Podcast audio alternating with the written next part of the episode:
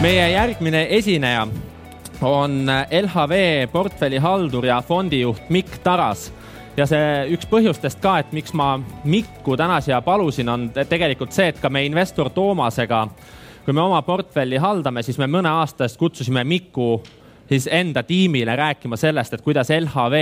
varahaldurid professionaalselt portfelle juhivad, mis on nende tööprotsessid, checklist'id ja, ja sellest ajast peale oleme nii, nii mõnegi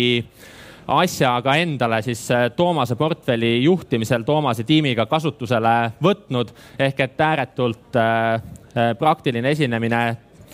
tõotab tulla, aga ma palun lavale Mikk Taras.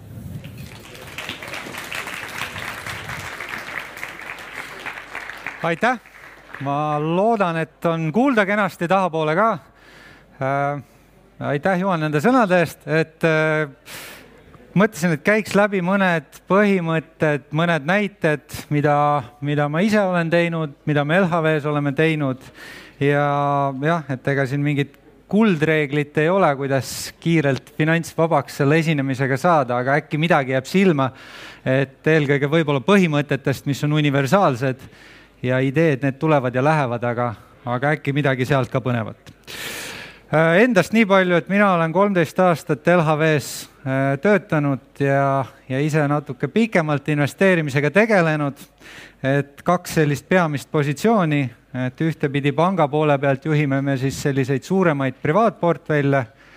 kus meil on üsna, üsna suur summa, üle saja seitsmekümne miljoni euro, mida, mida me juhime kolleegiga. ja, ja teiseks on meil siis varahalduse äri, mida võib-olla siin Andres Viisemann käis rääkimas ja kus meil summad on suuremad ja see spektrum, kuhu me investeerime, natuke laiem. et mina keskenduks täna aktsiatesse investeerimisele, mis ma loodan, teid kõiki võiks ka äh, kõnetada ja, ja, ja jah, et kui siin eelnev esineja tõi hästi välja erinevate varaklasside plusse-miinuseid, siis võib-olla läheks aktsiate näidetega edasi, aga ma usun, et eks need põhimõtted on universaalsed ja saab rakendada mujal ka nii, aga esimene slaid, mida mulle alati meeldib näidata, on see, et äh, mida üldse see finantsinvesteeringute ja börsile tehtavate investeeringute maailm võiks pakkuda. et teinekord ise ka niiviisi su suheldes nii klientidega kui, kui tuttavatega investeerimises, siis mõnikord need ootused on üsna ebarealistlikud. et kui me vaatamegi selliseid kahekümne aasta tootlusi, siis äh, pikapeale on kõige parema äh, tootluse teinud arenguriikide aktsiad, mis kõiguvad ka kõige rohkem, aga eks siis selle eest on ka pikapeale preemiat tulnud. Äh, see on üheksa koma üheksa protsenti aasta baasil ja siis on SMP viissada indeks, mis võib-olla on selline kõige populaarsem indeks, seitse pool protsenti. siis on arengu, arenenud riigid, kus peamiselt siis on Euroopa ja, ja mõned muud siin Jaapan ja, ja Aasiast ka mõned majandused. ja siis on võlakirjad neli koma kaheksa Äh, siis on elamu kinnisvara, see on küll USA näitel pandud, et eks meie kinnisvaraturg on midagi muud, aga see on kolm koma seitse protsenti. ja vot siis tuleb keskmine investor, äh, mis on selline asi, et, äh, et kes see keskmine investor on ja palju räägitakse ka passiivsest investeerimisest, mis kindlasti paljudele võiks sobida ja on üks täitsa töötav investeerimisstiil. Aga siin siis on JP Morgan palunud ühel andmeanalüüsifirmal vaadata, et kui meil on need passiivsed fondid ja meil on ka aktiivsed fondid, et kui reaalselt inimene ostab ja müüb neid väärtpabereid, et mis tal lõpptulem siis on, et meil võib olla mingi tore indeks, mis liigub kuhugi, kasvõi seesama SMP viissada indeks, mis on siin seitse pool protsenti aastas tootlust teinud. Aga kas selline tavapärane mediaaninvestor või keskmine investor on seda saanud, siis vot siin on huvitav koht, et ei ole ja, ja see number on nagu hämmastavalt madal, et ta vaevu lööb inflatsiooni ja kui siin hoiused ka mängu võtta, kus on siin üks koma neli protsenti aasta baasil tulnud, et äh, investeerimisse tasuks väga tõsiselt suhtuda, seda ei tasu kergekäeliselt võtta, sest äh, ütleme, mis siin seda keskmist investorit peamiselt takistab, on ikkagi lihtsad, lihtsad emotsioonid, ma usun iseenda kogemuse pealt küll näinud, et äh, et kas ollakse siin valel ajal natuke liiga agressiivsed, kas on äh, börsikriisides, krahhides tulevad teistpidi emotsioonid mängu, lüüakse kahjumeid lukku, et isegi kui niiviisi passiivselt püsivalt säästa, siis see, seesama põhimõte, et teha seda alati heal, heas ja halvas ajas juba aitab vähemalt selles mõttes saada seda, mida need turud tegelikult pakuvad, et äh, väga lihtne, et ei peagi mingit, ma ei tea, mis superaktsiat kuskilt üles leidma. Aga äh, meid ennast ka huvitab pigem aktiivsem aktsiate valik, aktiivsem riskide juhtimine ja eks meil on natuke summad suuremad ja paraku ei ole seda luksust, et, äh, et igat sellist miinus kahtekümmend, kolmekümmend langust aktsiaturgudel saaks naljalt kaasa teha. sest üks asi on kaotada võib-olla siin keegi ütles, et investeeris seitse eurot või kümme eurot, teine asi, kui portfell on võib-olla oluliselt suurem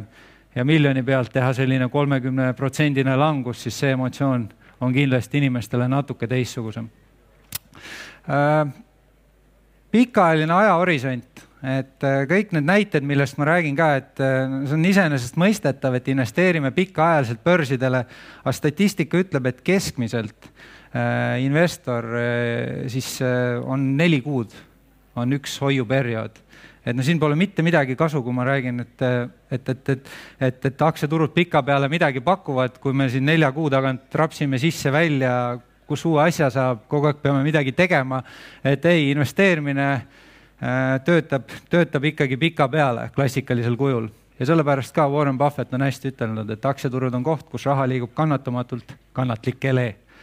et äh, siia panin ühe näite, et palju võib-olla räägitakse just nendest näidetest, et näed, ostsin siin tipus aktsiat, ei jopanud, tuli, tuli kriis ja krahh, panin kahjumi lukku, see maailm on minule liiga võõras, mis iganes. et see on kindlasti äh,, on neid näiteid, aga ma usun, teie ka, kes te siin kuulate äh, neid ettekandeid, mõtlete natuke nutikamalt ja, ja, ja pigem, mis ma ise olen näinud ja kus me ise ka tegelikult oleme palju vigu teinud, on see, et häid asju ka müüakse liiga kergelt, et okei okay,, ootan, tulebki mingi kriis, krahh, saan osta üht-teist, ei tule, lihtsalt ostan hea ettevõtte, aga seesama emotsioon töötab ka teistpidi. tahaks nüüd, see on natuke tõusnud, tahaks selle välja visata, kuhugi uude kohta vaadata. et siia ma panin siis äh, Äh, näite DSV-st, kes on Taani üks logistikaettevõte, et ma hästi palju ise, ma toon näiteid ka, vaatame Skandinaavia börside poole nii aktsiaid valides, sest see on üks koht, kus me tunneme ennast ka kodusemalt, saame ise nende ettevõtetega suhelda, neid kaardistada. ja ma usun, meile kõigile võib-olla hea koht, kes Balti börsilt kaugemale tahavad vaadata, sinna vaadata. ja ostsime seda siis, äh, kui koroonakriis äh, tuli ja, ja siin märtsis eelmine aasta oli selline soodusmüük, hea ettevõte, pikaajaliselt hästi kasvanud vist oli mingi nelisada kuuskümmend viis Taani krooni või midagi selline, ütleme puht ka võib-olla siis joppas ajastusega saime siit Põhja-lähedalt selle kätte. ja siis hakkas börsidel kiire taastumine, jõudsime siia kuhugi kuuesaja, vist oli neljakümne Taani krooni juurde, vaatasin. ja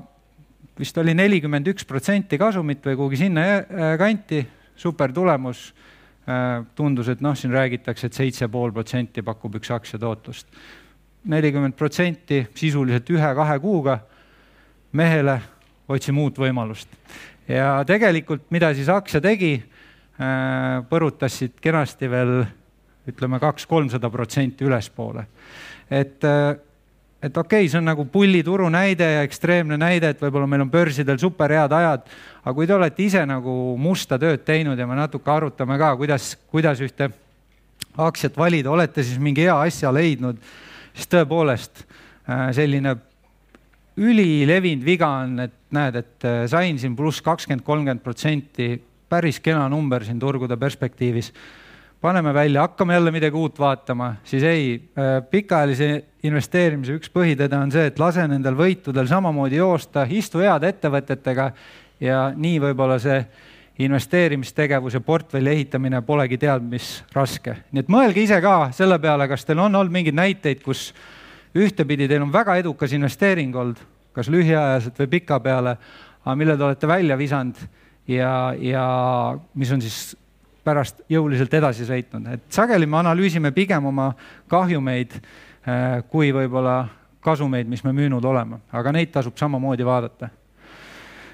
teine põhimõte, mida mina soovitaks jälgida kindlasti on hajutada riske, aga mõõdukalt, et kui me räägime aktiivsest investeerimisest, siis äh, see ei ole asi, kus me peame leidma viiskümmend või, või sada ettevõtet, mis on põnevad.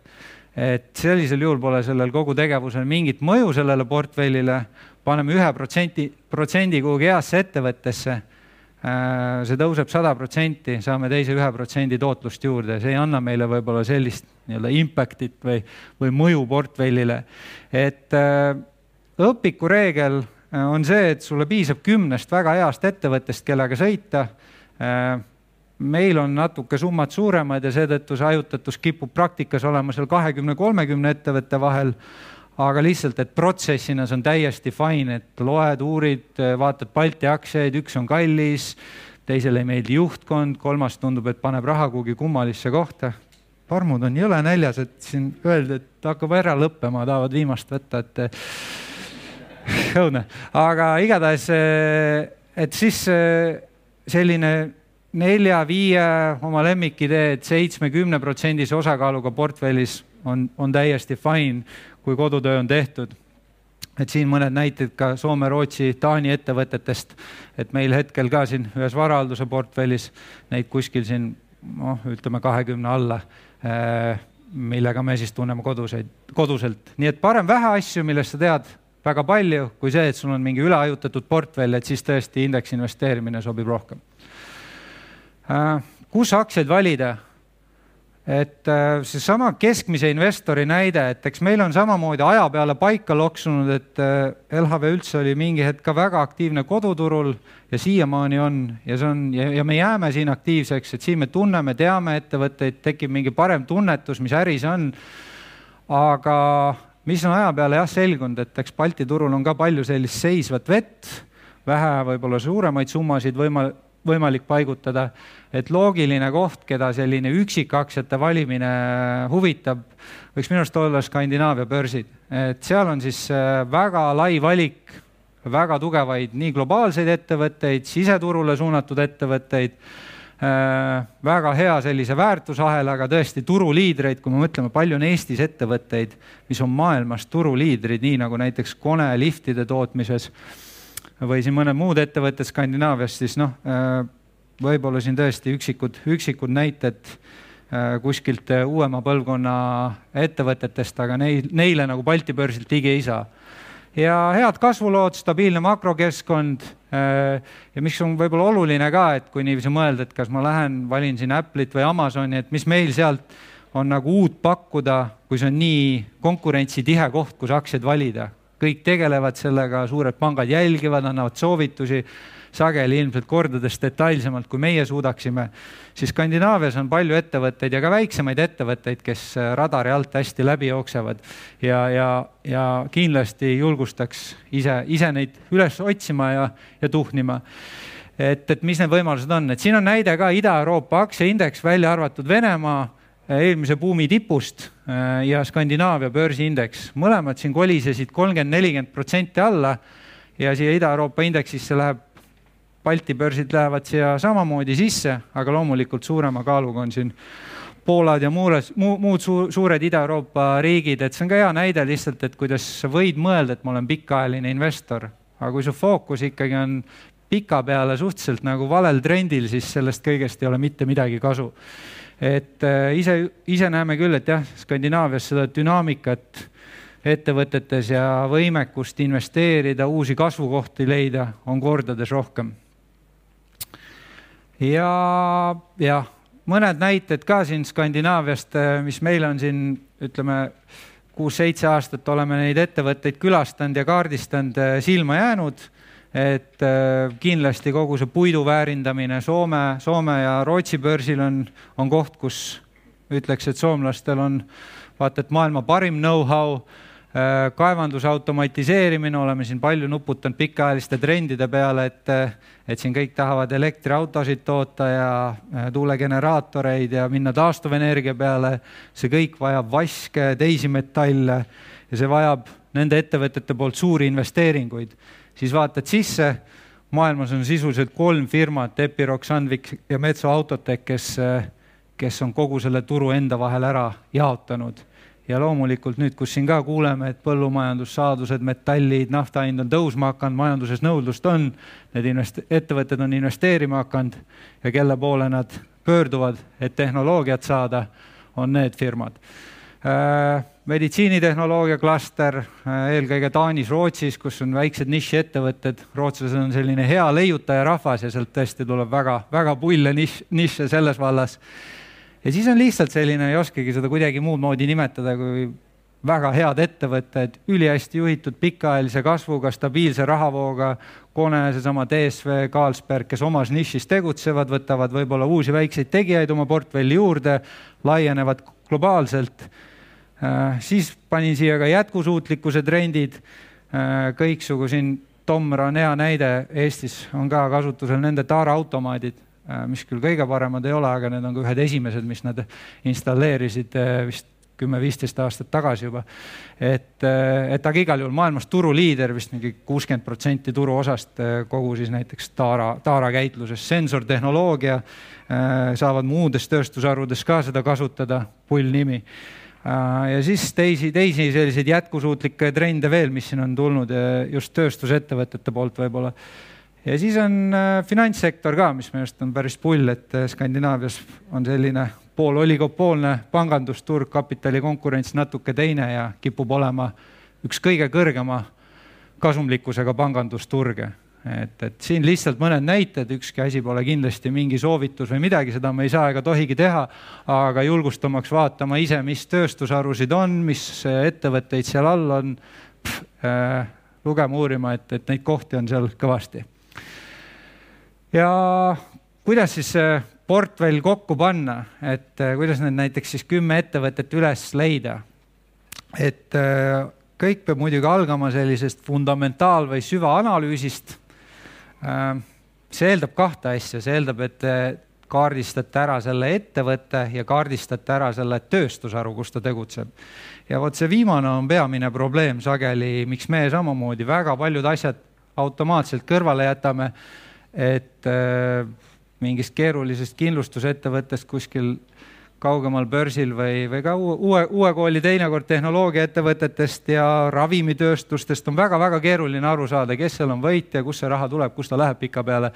et äh, ei pea jõuga investeerima, ikkagi portfelli alati võtke midagi, kui ise nii aktiivsemalt tahate valida, millest te täpselt ikka aru saate, kus, kus see raha tuleb ja läheb selles ettevõttes ja üks oluline punkt on ka see konkreetse investeerimisteesi sõnastamine. et, äh, et, et võite lugeda ja ma ise ka nagu pigem niiviisi kuid sa lihtsalt loed ja siis võib-olla korra kvartalis tuleb mingi üks põnev asi, kus kõik klotsid jooksevad paika. vot sinna tahaks investeerida. ja see on ka tiimi peale pigem, et, et, et ja kui ta on, et olete tohutult tööd teinud, siis sõnastage sellise paari lause paragrahviga ära, miks te siis sinna ikkagi investeerite, mis see nagu noh, minu kogemus ütleb, et parimad sellised stock-picker'id ja analüütikud, kes meil tiimis on olnud, on tohutult hea fokusseerimisvõimega, et sul on infot tänapäeval rohkem, kui küllaga sa tarbida jõuad. Ja ja oluline omadus on siis heal sellisel väärtpaberi valijal see, et ta suudab selle fookuse paika panna, et mis see lõppdriver sellel investeeringul on. ja kui ei suuda seda, see on ka fine. Äh,, ei pea tegema poolpiduseid asju, et, et äh, võib kõrvale jätta ja jah, ja hajutatus, et sellest ma rääkisin, et, et sellist üle, üle, ülehajutamist pole pointi teha. aga, aga siin ma tõin näite jah, ühest investeeringust, mis, mis meil nüüd viimane oli, mis me tegime eelmine kuu. et suhtlesime ühe Skandinaavia ettevõttega, kes on selline Balti börsi keskmise suurema ettevõtte suurus, turu, turu, turu, turu äh, väärtusega äh,. selline mitte liiga likviidne aga samas pole ka selline äh, paarikümne miljoniline projekt. ja pika ajalooga, äh, see Nordic Waterproofing valmistab siis bituumenist ja kummist äh, katuse ja isolatsioonisüsteeme, on isa, igasugu põnevaid asju seal portfelli juurde ostnud, kõiksugu siuksed rohelahendused, mida ka Skandinaavias järjest rohkem katustele ja rõdudele ja terrassidele paigaldatakse. väga suur turu ettevõttele tuleb sellest, et lihtsalt olemasolevat Äh, katuse karkassi on vaja aeg-ajalt renoveerida ja uuendada. ja, ja, ja ettevõte on umbes paarkümmend protsenti aastas käivet kasvatanud ja tegutseb ainult Skandinaavia turul, et selline hea hoomatav turu, turg, kus nad tegutsevad, ei ole liiga keeruline toode. konkurents selles vallas on pigem teiste väikeettevõtete poolt, kus midagi paremat on, nad on proovinud ise seda portfelli juurde osta. See äri toodab kakskümmend protsenti omakapitali tootlust, mida siin Balti börsil vähesed ettevõtted suudavad. LHV enda ambitsioon on vähemalt kakskümmend protsenti omakapitali tootlust pakkuda investoritele ja vaba rahavoo tootlikkus, mis on siis see rahavoog, mis, mis tänase turuhinna pealt ettevõte genereerib või kui, kui aktsiasse investeerida, on kümme protsenti, ta siis saab kas selle dividendidena maksta välja, ise kasvu investeerida, midagi uut portfelli võtta. riskikohad ka, et avatud Skandinaavia kinnisvaraturule kahtlemata, eeldus, et sinna investeerida, on, on see, et see aktiivsus seal püsib kinnisvaraturul kõrge ja, ja, ja riskid ka, näiteks üks, üks suuremaid riske siin äh, lisaks selle kinnisvara enda turu aktiivsusele on, on see, et kui, kui nafta hind siin on tugevnema hakanud, siis nagu mainitud, bituumen ja kumm suuresti sellest toorainest tulenevad ja see võib nende marginaale näiteks süüa. Et kas on hea või halb investeering, ei tea, igaühe enda otsustada, aga meile ta huvi pakkus ja jah, ja siin ma mõtlesingi, et võib-olla väike ülesanne ka, et äkki te oma naabritega, kes on ise mõne üksikinvesteeringu teinud või kes ei ole, siis kindlasti äkki midagi on mõttes olnud või Balti, Balti börsidel midagi jälginud. et anu, arutage minut-kaks äh, ja proovige, võib-olla isegi katsuks minutiga hakkama saada, et nagu ma ütlesin, võimalikult fokusseeritult oma partnerile selgeks teha, mis on see võtmetees, nagu ma ütlesin, paragrahvi paari lausega, miks te sinna olete investeerinud. aitäh, aitäh, aitäh, aitäh, et äh, kui siin saab mikrofoni ringi saata, siis äh, paluks äkki keegi on äh, nii avameelne ja räägib omalt poolt võib-olla, miks ta siis mõne investeeringu on teinud ja proovib meile sõnastada oma teesi, et kas on mõtteid, tahab keegi näidet tuua, seal taga, taamal paluks. et äh, viimane tehing oli Bergmann märkimine ja tees oli väga lihtne, et äh, kuna viimased äh, need esmapakkumised olid päris edukad, vaatasin, et äh, seekord räägitakse ka päris palju, et äh, päris mitmed inimesed äh, investeerivad, kaasa arvatud investor Toomas, kes on suur selline mõjuisik. et siis kas oli edukas või mitte, vaatame teisipäeval, kui turud avanevad. aga see, et märgiti viisteist korda üle, see on nagu hea märk mm. -hmm. aitäh Äh, veel mõni näide sealt, üks, üks käsi tõusis veel. Äh, sealpool. Mul oli mõni aasta tagasi oli selline tees 5G tehnoloogia osas, et see peaks varsti hakkama nagu võimsalt arenema, et kes seda toodavad, on Huawei, Nokia ja, ja Ericsson ja siis hakkasid tulema Huawei'le erinevad sanktsioonid Äh, USA-st ja mingid Euroopa riigid olid ka ja siis oli valik siis Ericssoni ja Nokia vahel ja, ja kaart läks Nokia peale. Ja siis ta läks mingi hetk, äh, mingid lepingud USA-s kukkusid ära ja ma arvan, mingi nelikümmend protsenti või niimoodi kukkus ühe päevaga ja läks korralikult vee alla. Ja siin ta on nagu ujunud äh, pikalt, et läks pikaks positsiooniks, nii et ma tegelikult ootan, kuni see, kuni see kaart ennast nagu mänga, välja, välja mängib, et äh, et siis jäin teesile kindlaks, et kunagi, kunagi ta mängib, aga probleem on see, et mulle ei meeldi nagu kahjumeid võtta väga eluline näide, kuna ei ole ainus sellega, nii endal kui klientidel on, kipub olema see, see, see asi jah, et kui mingi asi miinusesse vajub, siis oodatakse, et peaasi, et plussi ära jõuab, siis müüb maha. et äh, tegelikult tasub alati avatult mõelda ja aitäh, väga hea tees huvitav mõttekäik, selline tuletis tekitatud äh,, huvitav valdkond äh,, kaardistatud ära, kes on tegijad, hea turg, kaks-kolm ettevõtet, noh, täna kolm ettevõtet, Samsung, kusjuures seal ka väga aktiivne.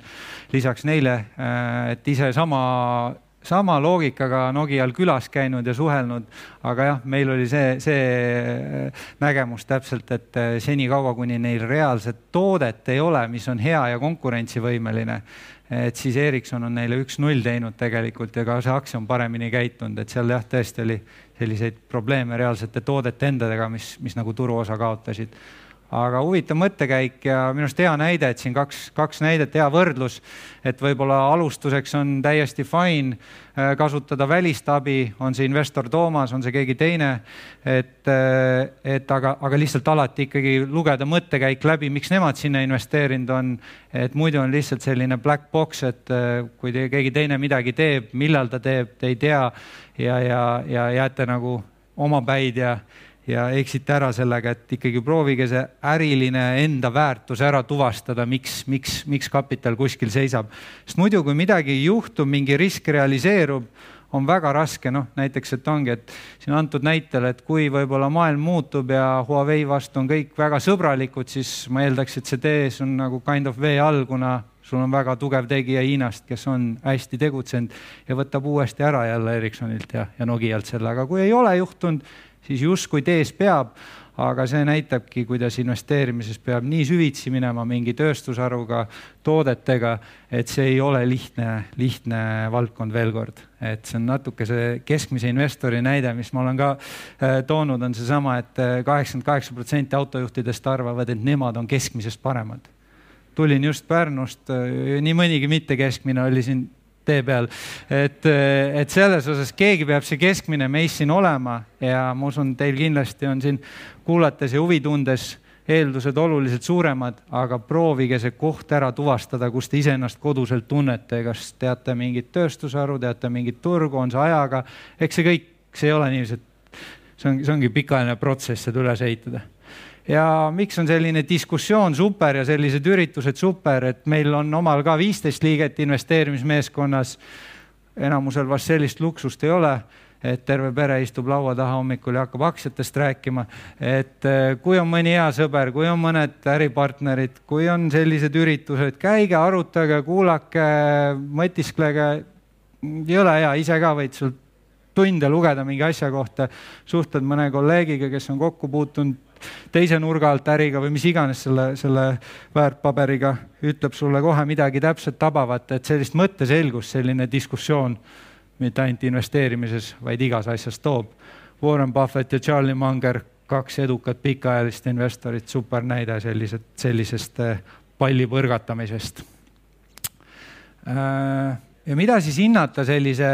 üksikaktsia puhul, et kui siin rääkisime väärtpaberi plussidest ja miinustest, et et, et või, või eri varaklasside, siis üksikaktsiate puhul peaks olema hoomatav ja läbipaistev ärimudel äh, pigem konservatiivne finantspositsioon, et see, kui keegi on seal liiga palju võlga võtta ja tahab raha juurde või, või kaaluta investeerimist, see on,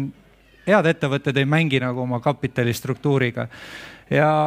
pigem ma tõin näite ka, et ta võiks struktuurselt pikaajaliselt trendidega õigel poolel olla et nende luga, nugade püüdmisega võib jopata, aga, aga pigem otsid või, või tõenäosused kipuvad vastu olema. ja stabiilne, mida kõrgem on kasumlikkus, seda kõrgem kipub olema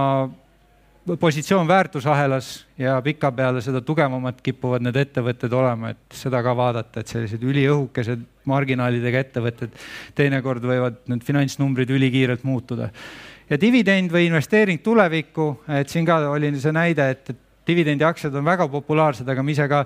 kipume pigem vaatama sellist tasakaalukat äh, lähenemist ja miks mulle väga paljud Skandinaavia nimed siin, pea kõik, mis siit läbi jooksid, meeldivad selle nurga alt, et nad kõik maksavad natuke dividende, aga nad kõik investeerivad ka kasvu. et siin Balti börsil on hea näi-, häid näiteid headest ettevõtetest nagu kaubamaja nagu Tallinna Vesi, kes on super dividendiaktsiad, aga võib-olla mida teinekord investorina tahaks kes just nagu otsib ka sellist kas-, kasvu ärides, on see, et ka mingi, mingi, mingi summa läheks võib-olla mingitesse uutesse lahendustesse ja, ja, ja kasvuprojektidesse. et, et seda jälgida ja atraktiivne hinnatase, ma toon mõne näite ka, aga ega siin iga äri vastavalt ta kasvule on erinevat hinda väärt, et see perspektiiv natuke ajaga, ajaga tekib. hoomatav ärimudel et pangandus ja kindlustus ja see on ka üks pigem selline üliraske valdkond, aga meil Balti börsil on ka nüüd pangad päris populaarsed olnud äh,, erinevad pangad. Ja mujal maailmas samamoodi, et üks investeering, mida me ise oleme teinud, on Swedbanki aktsiad. Äh,. siin oli raha, rahapesuskandaal, aktsia hind kukkus, tegelikult noh, siin ma olen vist pannud aktsia hinna äh, suhtena aktsia raamatupidamislikku väärtusse kellele see kontseptsioon, see price to book ratio on keerulisem, siis noh, tegelikult see turuväärtus või aktsia hind sisuliselt on suht samamoodi liikunud, nii et, et näeb seda dünaamikat sellest, kuna ettevõtte omakapital pole ajas siin viimastel aastatel palju tegelikult muutunud. igatahes äh, proovime siis tuvastada, et mis on sellised Swedbanka puhul niisugune nagu väärtus, millest kinni haarata. ühtepidi äh, panga mõttes on tal maru stabiilne turubaas kuuskümmend protsenti kogu laenuportfellist, kus siis intressitulu jookseb panka, mis on peamine tuluallikas,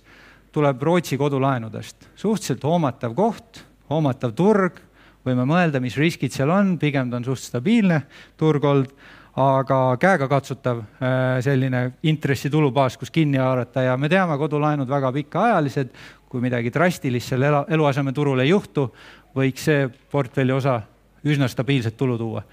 teenustasud, kakskümmend protsenti umbes tulust, tulu, tuludest, nendega oleme me kõik vast kokku puutunud.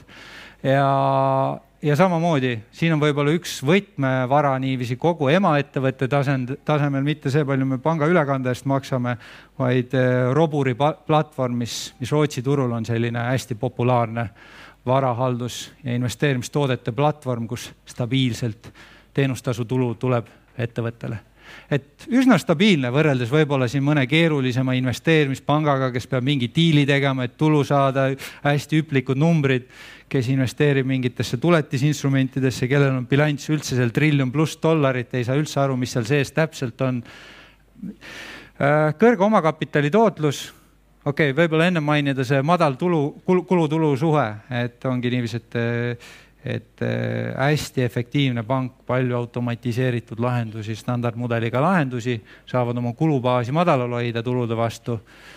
Äh, suuresti ka tänu sellele omakapitali tootlus üks paremaid sektoris, seal stabiilselt neliteist, viisteist, kuusteist protsenti, mis on pea kaks korda kõrgem kui keskmine Lääne-Euroopa pank. saad seitse protsenti dividende umbes aastas, kuigi siin äh, Euroopa Keskpank keelas vahepeal pankadel koroonakriisis dividendide maksmise ära, äh, mis oli nagu liiast, kuna midagi õudset pankadel ei juhtunud. ja, ja, ja see võiks siit kenasti jätkuda, natuke on juba tulnud dividende. no ja siis me võime siin mõelda, et kas need suhtarvud või aktsiahind võib kuhugi siin taastuda. Äh, on see pigem ajalooga võrreldes odav või kallis, noh, siin graafikul tundub, et üliodav ta nüüd ei ole, kallis ka nagu ei tundu. et äh, dividende saad juurde, äkki hinnas on veel paarkümmend protsenti, et siin ka, et kas selle aktsial tuleb aastate peale selline mitte seitsmeprotsendine tootlusootus, vaid kui juba siia panka investeerida, mis oma olemuselt aktsiainvesteering nagunii üksik aktsia, päris riskantne, kõigub, siis võiks tahta sealt ikkagi oma arvutustega, et noh, me saame seal kolmkümmend, nelikümmend, viiskümmend protsenti ideaalne, kui leiate sellise riski-tulu suhte, näed, et kui kõik normaliseerub, teenin siin mitusada protsenti. aga noh, selliseid ostukohti pakutakse väga-väga harva, et see ei tähenda, et ülejäänud aja peab käed tagumiku all istuma, et, et leidub ikka ka nii võimalusi, aga, aga jah, et see upside võiks hea olla. ja negatiivne pool ka, et rahapesuskandaal äh,, mm, ütleme, see AML-i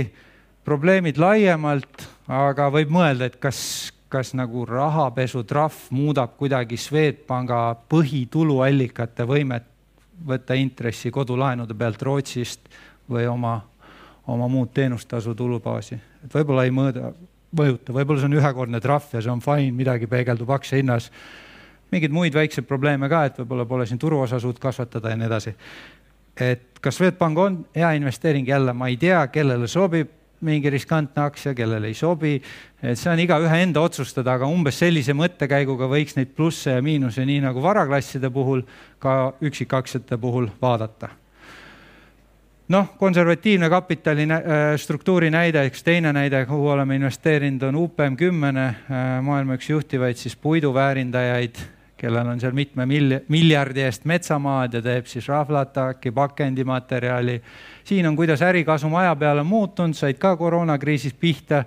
Äh, siin vahepeal teenisid ärikasumit siin poolteist miljardit, ettevõtte turuväärtus oli ka seal kuskil viisteist miljardit vastu. et oligi selline kümme, kaksteist korda PE suhtarv, mida palju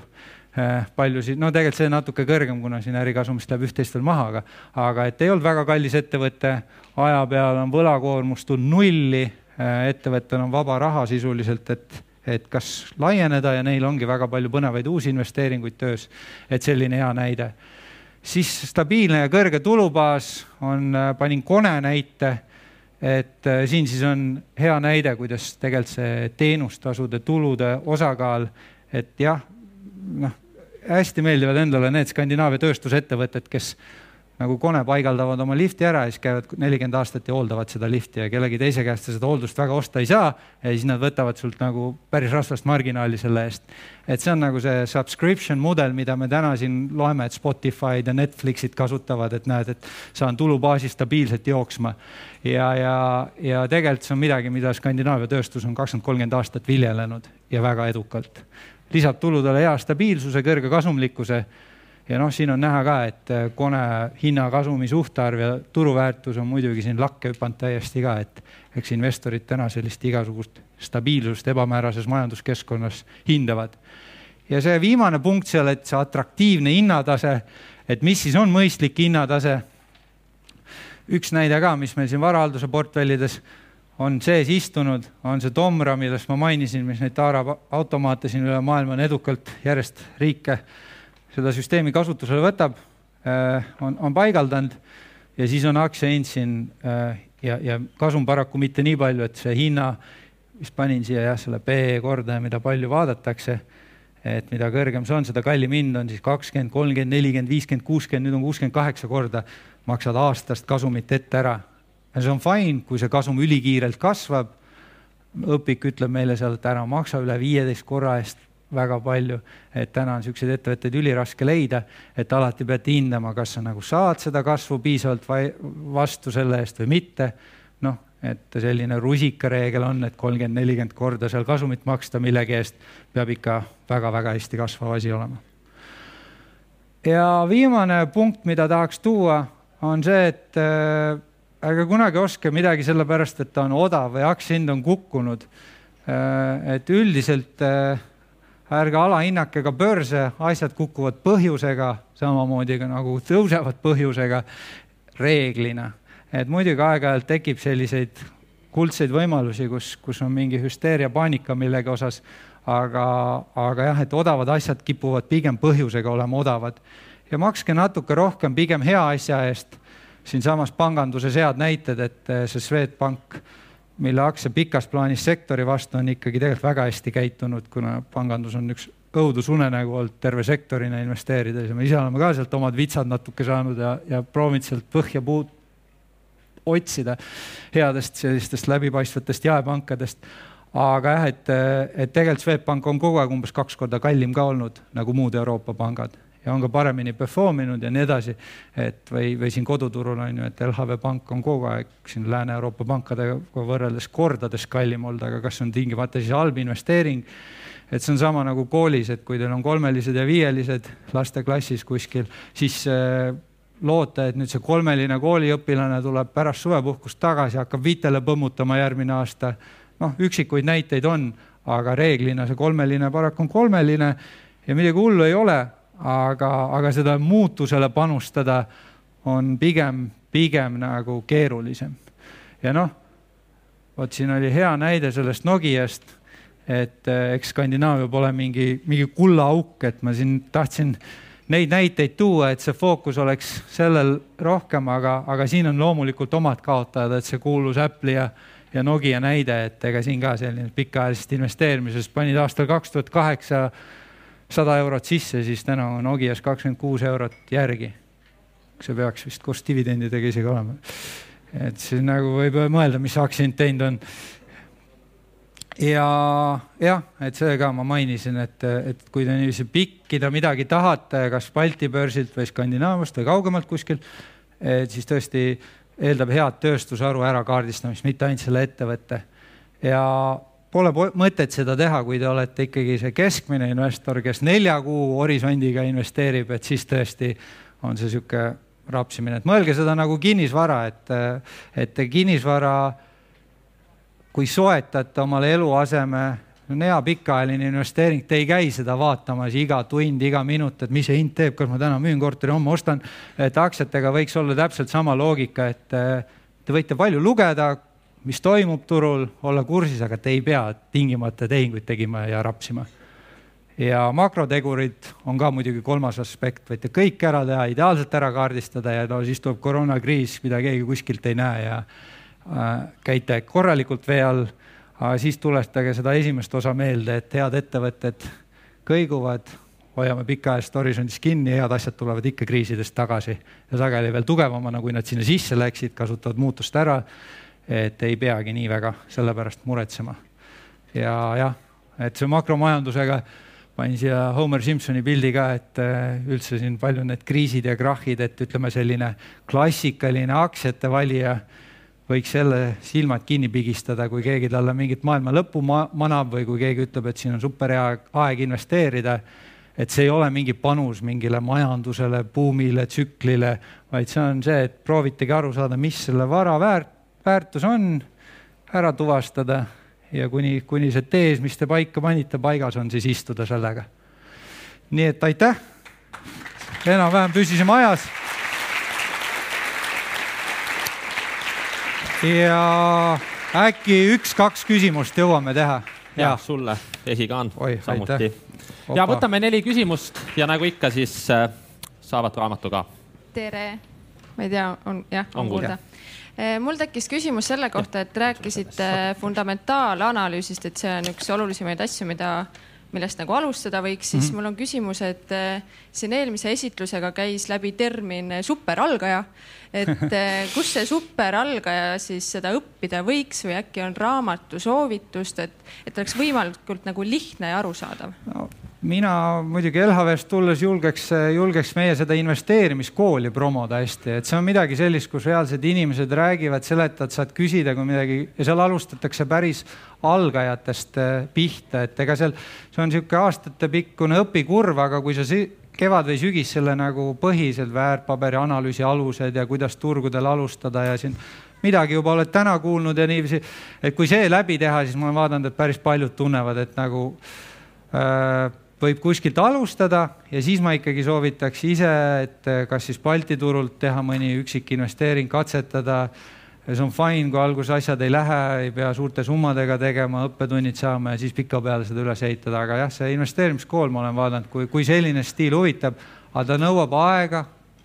natuke kogemust, äh, pikaajalist horisonti, kõike seda, et seda, seda